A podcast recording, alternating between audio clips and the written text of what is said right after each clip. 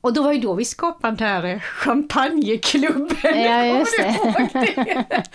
ja, med, med kanske inte ska namnge, för inte säkert hon vill berätta det, men ifrån från Kalmarsidan där i alla fall. Ja, vad, vad trevligt vi hade. Ja.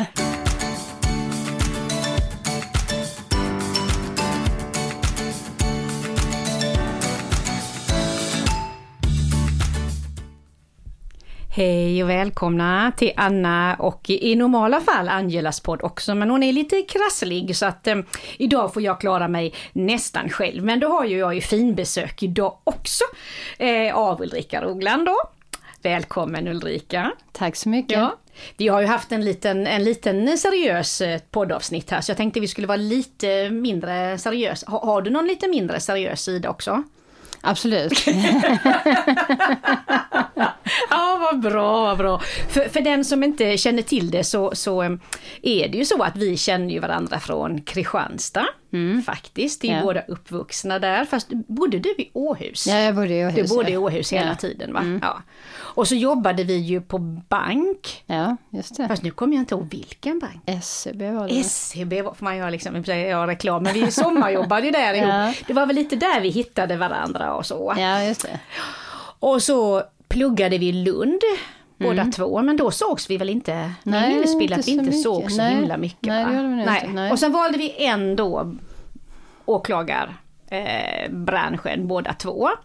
Och blev ju då båda två utsedda till två av de 13 första relationsvåldsspecialisterna i Sverige. Ja, Det var ju lite coolt faktiskt. Ja, det var väldigt roligt. Ja, Ja. Ja. det var vi lite stolta över ju. Ja. Men nu har du ju lämnat, eller nu och nu, du har ju lämnat åklageriet. ja, för fyra år sedan. Ja, ja. Kan du berätta lite varför? Alltså att jobba som åklagare är jätte, jättekul när allting fungerar. Eh, Men det gjorde inte det så ofta för polisen har bristande resurser och framförallt bristande organisation.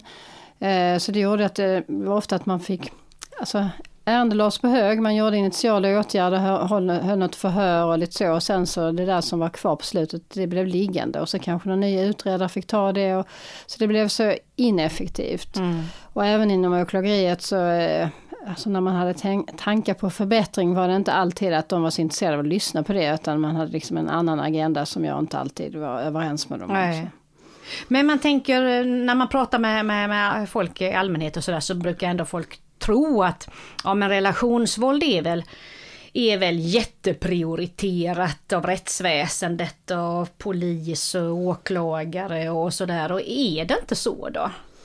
Alltså men det, man kan väl säga att det är prioriterat inledningsvis. Alltså det första som händer om det nu anmäls och den, om, eh, eh vilket ofta är ju en man som har gjort sig skyldig till något brott eller misstänks för det.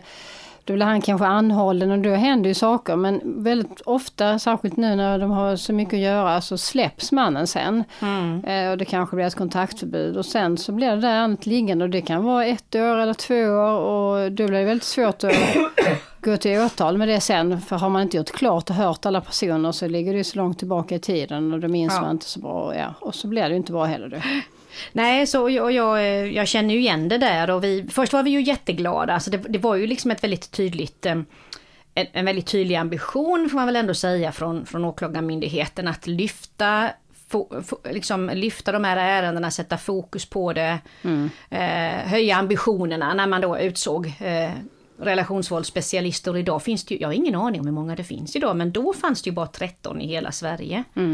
Så det var, då var man ju eh, väldigt stolt över det, men jag minns ju att vi, vi tyckte ju det var ganska tuffa arbetsvillkor. Eh, och då var ju då vi skapade den här champagneklubben. Ja, just det. ja, med, med, kanske inte ska namnge, för inte säkert hon vill berätta det, men ifrån från Kalmarsidan där i alla fall. Ja. Vad, vad trevligt vi hade. Ja. Tänkte vi kanske får ha, ja, vi, vi, vi får nog ta lite champagne sen tror jag Ja, Ulrika för old times sake. Ja. ja, men visst är det så ibland när man tycker att det är lite, lite motigt att man kan behöva hitta saker och ting som, som förgyller tillvaron och Ja men och absolut. Det är Ja. jätteviktigt att hitta ett sätt att förhålla sig till det som är svårt liksom och göra andra saker. ja, Så är det ju. Ja, absolut. och skapa liksom en liten ett litet team sådär. Du, jag tänkte sen, sen, så då för fyra år sedan lämnade du då och vad blev det av dig då? Ja, då fick jag möjlighet att jobba på en advokatbyrå då. Eh, så det gjorde jag i drygt tre år. Och, sen blev jag advokat och då startade jag en egen byrå i slutet på september 2017. Ja. Vad häftigt! Du. Ja, det är jättekul. Ja, ja. ja. Är det tufft? Ja, alltså det är mycket nytt så är det alltid när man byter ja. och nu när man ska ha eget så är det ju massa andra saker också som man måste lära sig. Men Alltså det är roligt, en utmaning men det är väldigt roligt ja, tycker jag. Mm. Att få bestämma själv. Ja, ja det gillar vi. Ja. och, ja, och för den som inte då äh, känner Ulrika så är vi, är vi ju ganska lika i många avseenden. Att det är ju väldigt mycket som ska hända. Och det ska vara snabbt och det är fart och fläkt och så. Och, och, och, då har du ju bland annat, jag är ju, jag är grymt impad av dig Ulrika, men du har ju bland annat cyklat till Paris i år. Ja det har jag faktiskt ja, gjort. Berätta, berätta. Det, förra året så, alltså jag tycker om att träna, det är också ett sätt att förhålla sig till när det är jobbigt och så, så, så tränar jag mycket och då eh, började jag cykla och så såg jag någon som cyklade i gula kläder och eh, ja, så pratade jag lite med min särbo om det och fick då veta att det här var i Team Rinkeby och att det kan vem som helst söka till och då bestämde vi oss för att okej, okay, vi söker liksom. Mm. Och så kom vi med där då och sen har vi tränat hårt. Det här går ut på att man samlar in pengar till Barncancerfonden. Mm, det är mm. därför man gör det då. Så man jobbar hårt med att hitta sponsorer och olika event och sen och träna hårt och sen i slutet på juni så cyklar man då till Paris just för och det är det som man gör som en manifestation då för de här insamlade pengarna. Det gör vi för barnen som har Och hur cancer. långt är det? 130 mil. så det är så, det är så galet långt. Ja alltså. det är det faktiskt. Och jag, tyckte jag, jag tyckte jag såg någon liten ansträngd bild på, på Facebook där. Alltså. ja. vad, vad, vad, var det jäkligaste med, med, den, med den turen?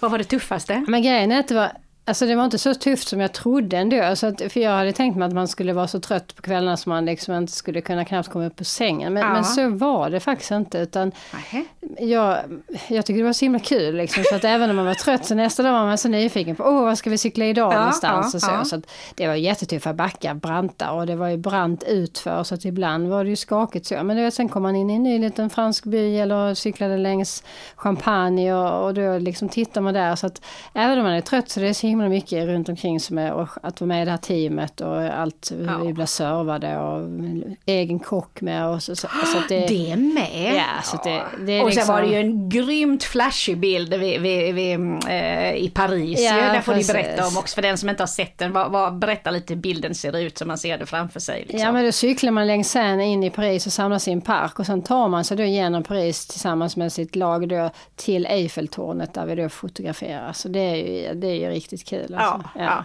ja, det var ja, så häftigt. Jag är så himla impad av det. Och sen, och sen så ähm, berättade du att du precis hade varit med i BBC. Ja, ja.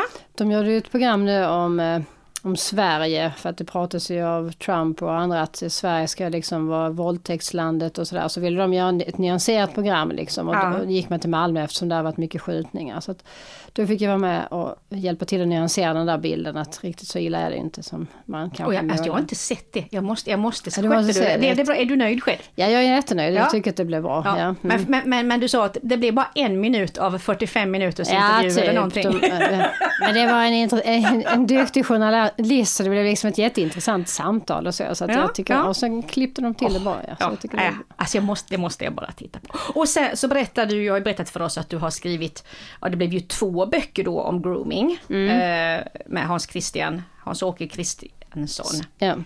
Eh, först en och sen en uppdaterad version då. Men sen håller du ju på med en bok till sa du ju. Ja nu håller jag på med en barnbok. Ja. Ja, ja. Vad, är, vad är det då?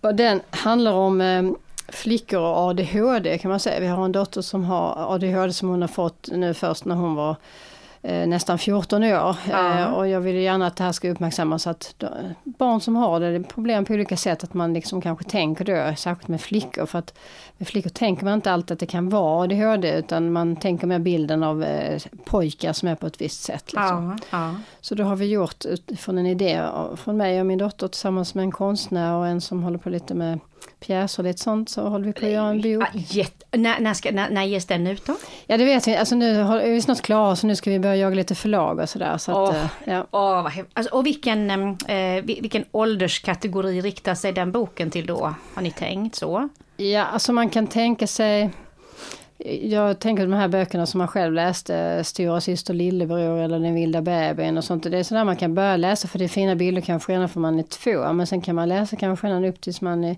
åtta, nio kanske. Så. Ja, Mm. ja okej. Så det blir liksom lite ett redskap för, för föräldrar också att Ja. samtala med sina barn. Ja, och kanske för att Eh, föräldrar om- också tänka liksom att eh, när man, för att det är inte alltid när man har ett barn som är väldigt aktivt eller något som är på olika sätt, då kanske man inte alltid tänker så. över. Nej. Det gjorde inte jag i alla fall, för det Nej. stämde inte med min bild av ADHD. Så att då är det ju bra om man kanske kan tänka det. Att, Vad konstigt, alltså, det blir ju ändå, men vi har ju alltid en eh, emellanåt, eh, ganska ofta en diskussion om, om vården är jämställd och sådär. Och det, det, vill, det vill ju alla tro att den är och så visar det sig gång på gång att man att man har tittat på olika eh, sjukdomar eller diagnoser eller så utifrån mansperspektiv ändå. Alltså, Ja. hur, hur kan det vara så att, att ADHD har blivit definierat utifrån pojkarnas symptom? Men jag tror nog för att pojkarna ofta, oftast i alla fall, så blir de väldigt utåtagerande. Och flickor är inte alltid så. De, kan, de kan hantera det kanske på, de kanske kan sitta stilla på lektionen därför de gör någonting annat, sitter och pillar eller gör någonting sånt där.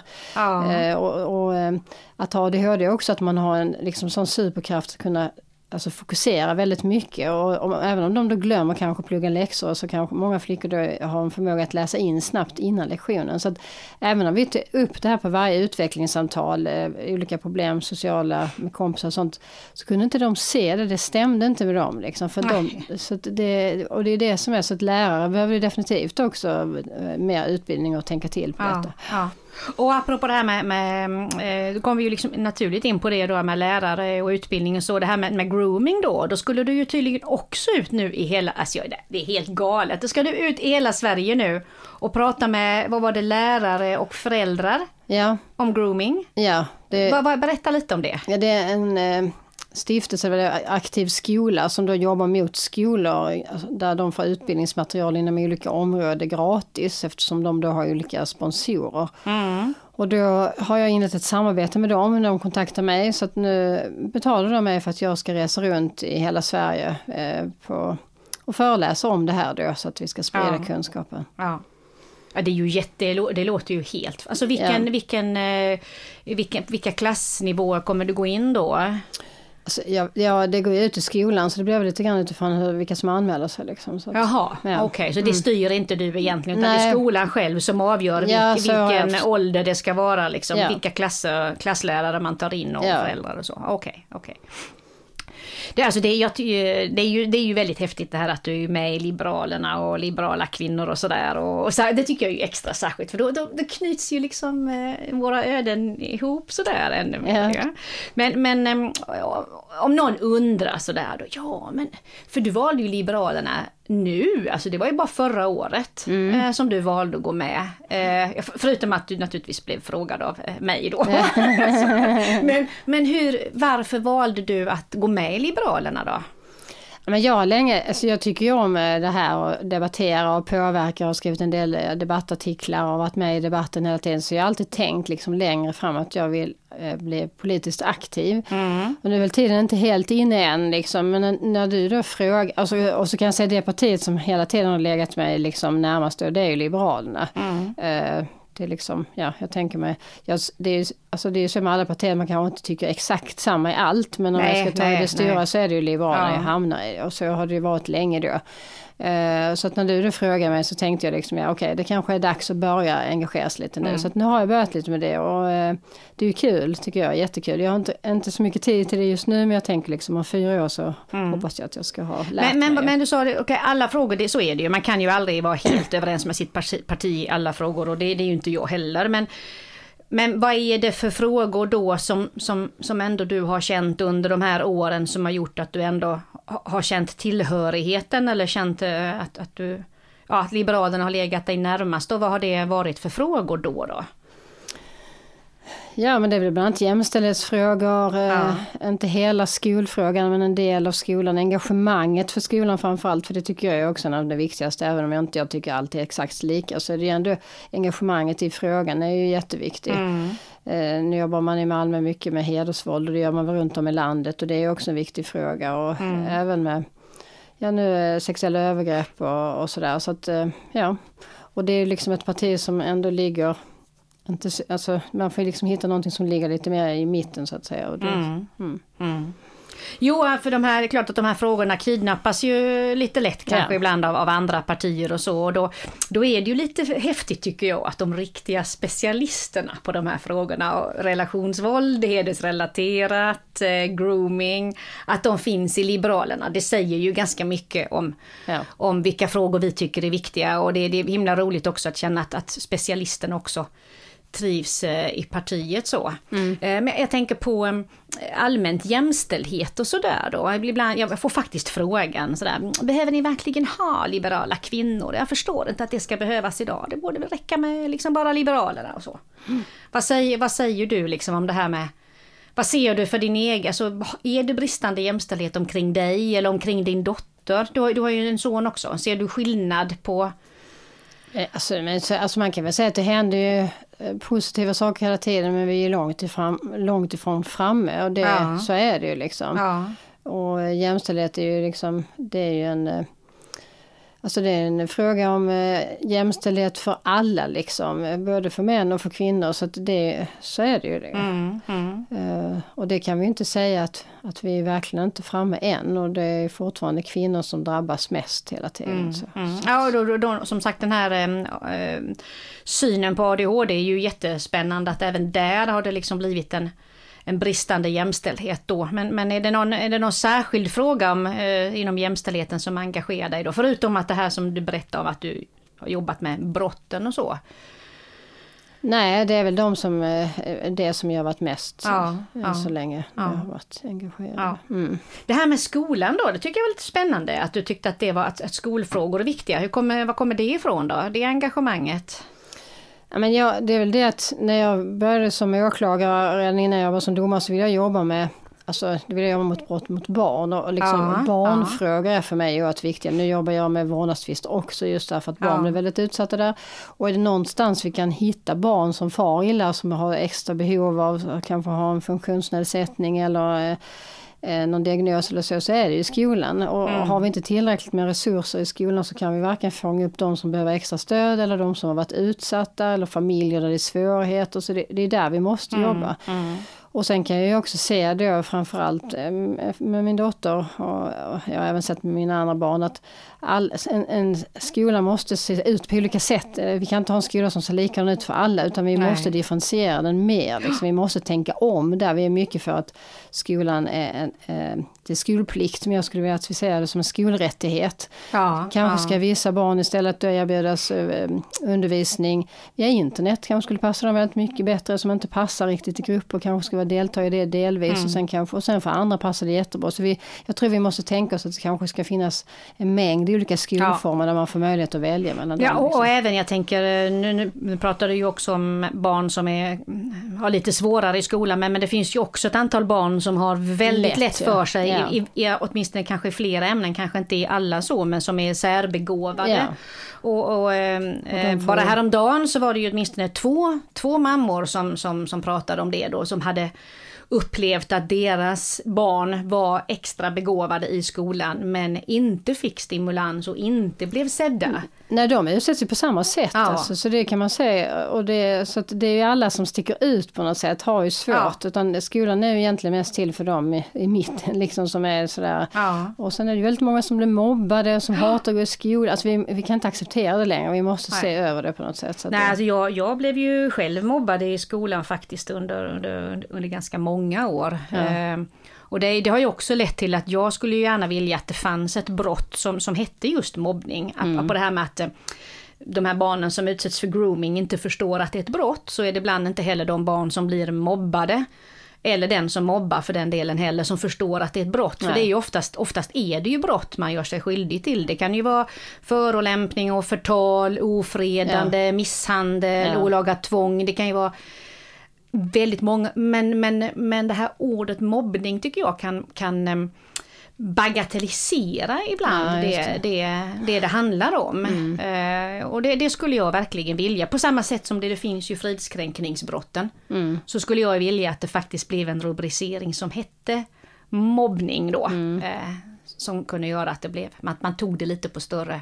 Ja, det är på precis. Större, har, har du blivit utsatt för det i skolan? Inte så jättemycket men absolut det har alltså varit situationer och sen har jag sett som har blivit mobbade ja. och det tyckte jag var, jag vet någon som hade glasögon, det kallades för glasögonorm och någon trampade sönder. Så det är sådana saker jag glömmer det aldrig liksom. Nej. Där man själv, där jag ibland försökte gå emellan och så men ibland var man ju för liten och kunde inte liksom för man var rädd att man skulle bli slag. Men, men jag vet att när jag har varit med mina barn i skolan, man kan ju snabbt gå in i en klass så kan du identifiera direkt. Så här, där, där har vi de coola och där har vi dem och de, de är risk för att bli mobbade. Alltså man vet mm. det direkt liksom. Ja. Ändå låter vi det där fortsätta hela tiden. Och det, det är förfärligt. Ja. Alltså det... Var du no tillhörde du det coola gänget eller? Var nej, det... alltså jag var, i, jag var i, idrottstjejen liksom. Jaha, du var den. Ja, ja, nej, jag, jag, jag, jag, jag, jag var nog alltid... Nej, jag, faktiskt, jag var ju rätt så duktig i skolan. Jag var väldigt ambitiös och sådär. Och det är precis som de här mammorna berättade, knappast särbegåvad men, men eh, flitig och relativt smart. Och det var ju ingenting som riktigt premierades utav klasskamrater Nej. eller sådär, utan man hamnar ju oftast i en, en ja, lite utsatt situation och man kan känna sig rätt så ensam och känna att det inte, inte är så bra. Det är ju lite den här antipluggkulturen ja. som då, då, tyckte jag den dominerade väldigt tydligt och den drabbade killar och tjejer lika mycket. Alltså mm. den var rätt så jämställd den då tyckte jag. För jag vet att jag hade en, en, en klasskompis som hette Anders faktiskt. Ja, minns jag fortfarande, kallades för Bommi. ja, och, och han, han, var också, vi var väldigt lika i det och både han och jag blev ju, blev ju drabbade då. Mm. Men idag så har jag fått uppfattningen att det kanske är lite mer den är lite mer förhärskande bland killar, den här antipluggkulturen. Att det ja, blivit en okay. liten... Eh, så så det, det menar, då är det ju både att jobba med att se de olika barnen och, och ge olika möjligheter och, och, kanske lyfta det här att det, det är ju positivt om, om ungarna anstränger sig. Ja, alltså det, nu kan det väl vara lite kul att vara nördig så det är väl tur, det har ju ändå hänt. Liksom, ja, ja. men jag menar mobbingen fortsätter, alltså ja, så är det ja. ju. Va? Och det var ju förfärligt då, ingen gjorde någonting. Men det är ju samma, samma idag, eftersom min dotter haft problem så har jag varit en del i skolan och då är lärarna, vet man har sagt till dem, hallå men liksom, hon, hon gick in på toaletten och varit borta nu 20 minuter. Alltså de märker inte liksom. Och, och, de tycker det är så fint att de, de står i olika grupper. Man måste jobba mycket mer aktivt. Ja. Och nu har ju Liberalerna som förslag att man ska ha elev, eh, om det heter, alltså de ska ha fler som jobbar med eleverna ja. som, som inte är lärare. Ja, och det tycker precis. Jag är Lärarassistenter. Ja. ja, men det är ju jättespännande. Och, och det ja. behöver vi. Vi behöver ju ha andra beteendevetare och sånt som kan se på ett annat sätt. För lärarna ska ju, alltså de är ju bara på att undervisa men det är inte meningen att de egentligen ska lösa konflikter eller sådana här sociala. Det är övermäktigt för dem att göra det också. Så vi behöver ja. andra på skolan, skolkuratorer, skolsköterskor och då kanske då lärarassistenter ja. som hjälper till. Liksom. Jo men det, det tror jag verkligen. Vi har, jag har haft, också haft mycket snack då för jag var med och tog fram ett material som heter Glädjetjuven som handlar om att det var förbjudet att slåss och som, som handlade ja. just om, om, om skolan och sådär. Då, då, när man pratar med lärarna, precis som du ska ut och prata nu då om, om grooming och så, så, så, kommer det ju klart fram att de, de mäktar ju inte med det. Alltså de, de är ju där för att de är duktiga som lärare, duktiga på att lära ut eh, och så, och är pedagoger. Men det är ju så mycket annat man möter i skolan mm. eh, av problematik, eh, alltifrån diagnoser till, till sådana här beteendeproblem då. Det är klart att har, har man då lärarassistenter som kan Ja, det är ju ett par ögon till. Yeah. Som kan hjälpa till att se, som kan hjälpa till att, att lösa problem eller mm. uppmärksamma dem i vart fall ju. Så mm. att, Jaha, men du, då, då, får vi ju hoppas. Eh, jag hoppas ju att jag kommer in i riksdagen efter det här valet och sen hoppas jag att du kommer in efter nästa val Ulrika. Yeah då ska vi ha roligt och då, då får vi liksom damma av den där champagnegubben ja, Det gör vi. Men du, tack så jättemycket för att du kom hit idag. Tack själv. Så hörs vi och ses. Ja, hej då allihopa, hoppas vi att Angela är frisk nästa gång.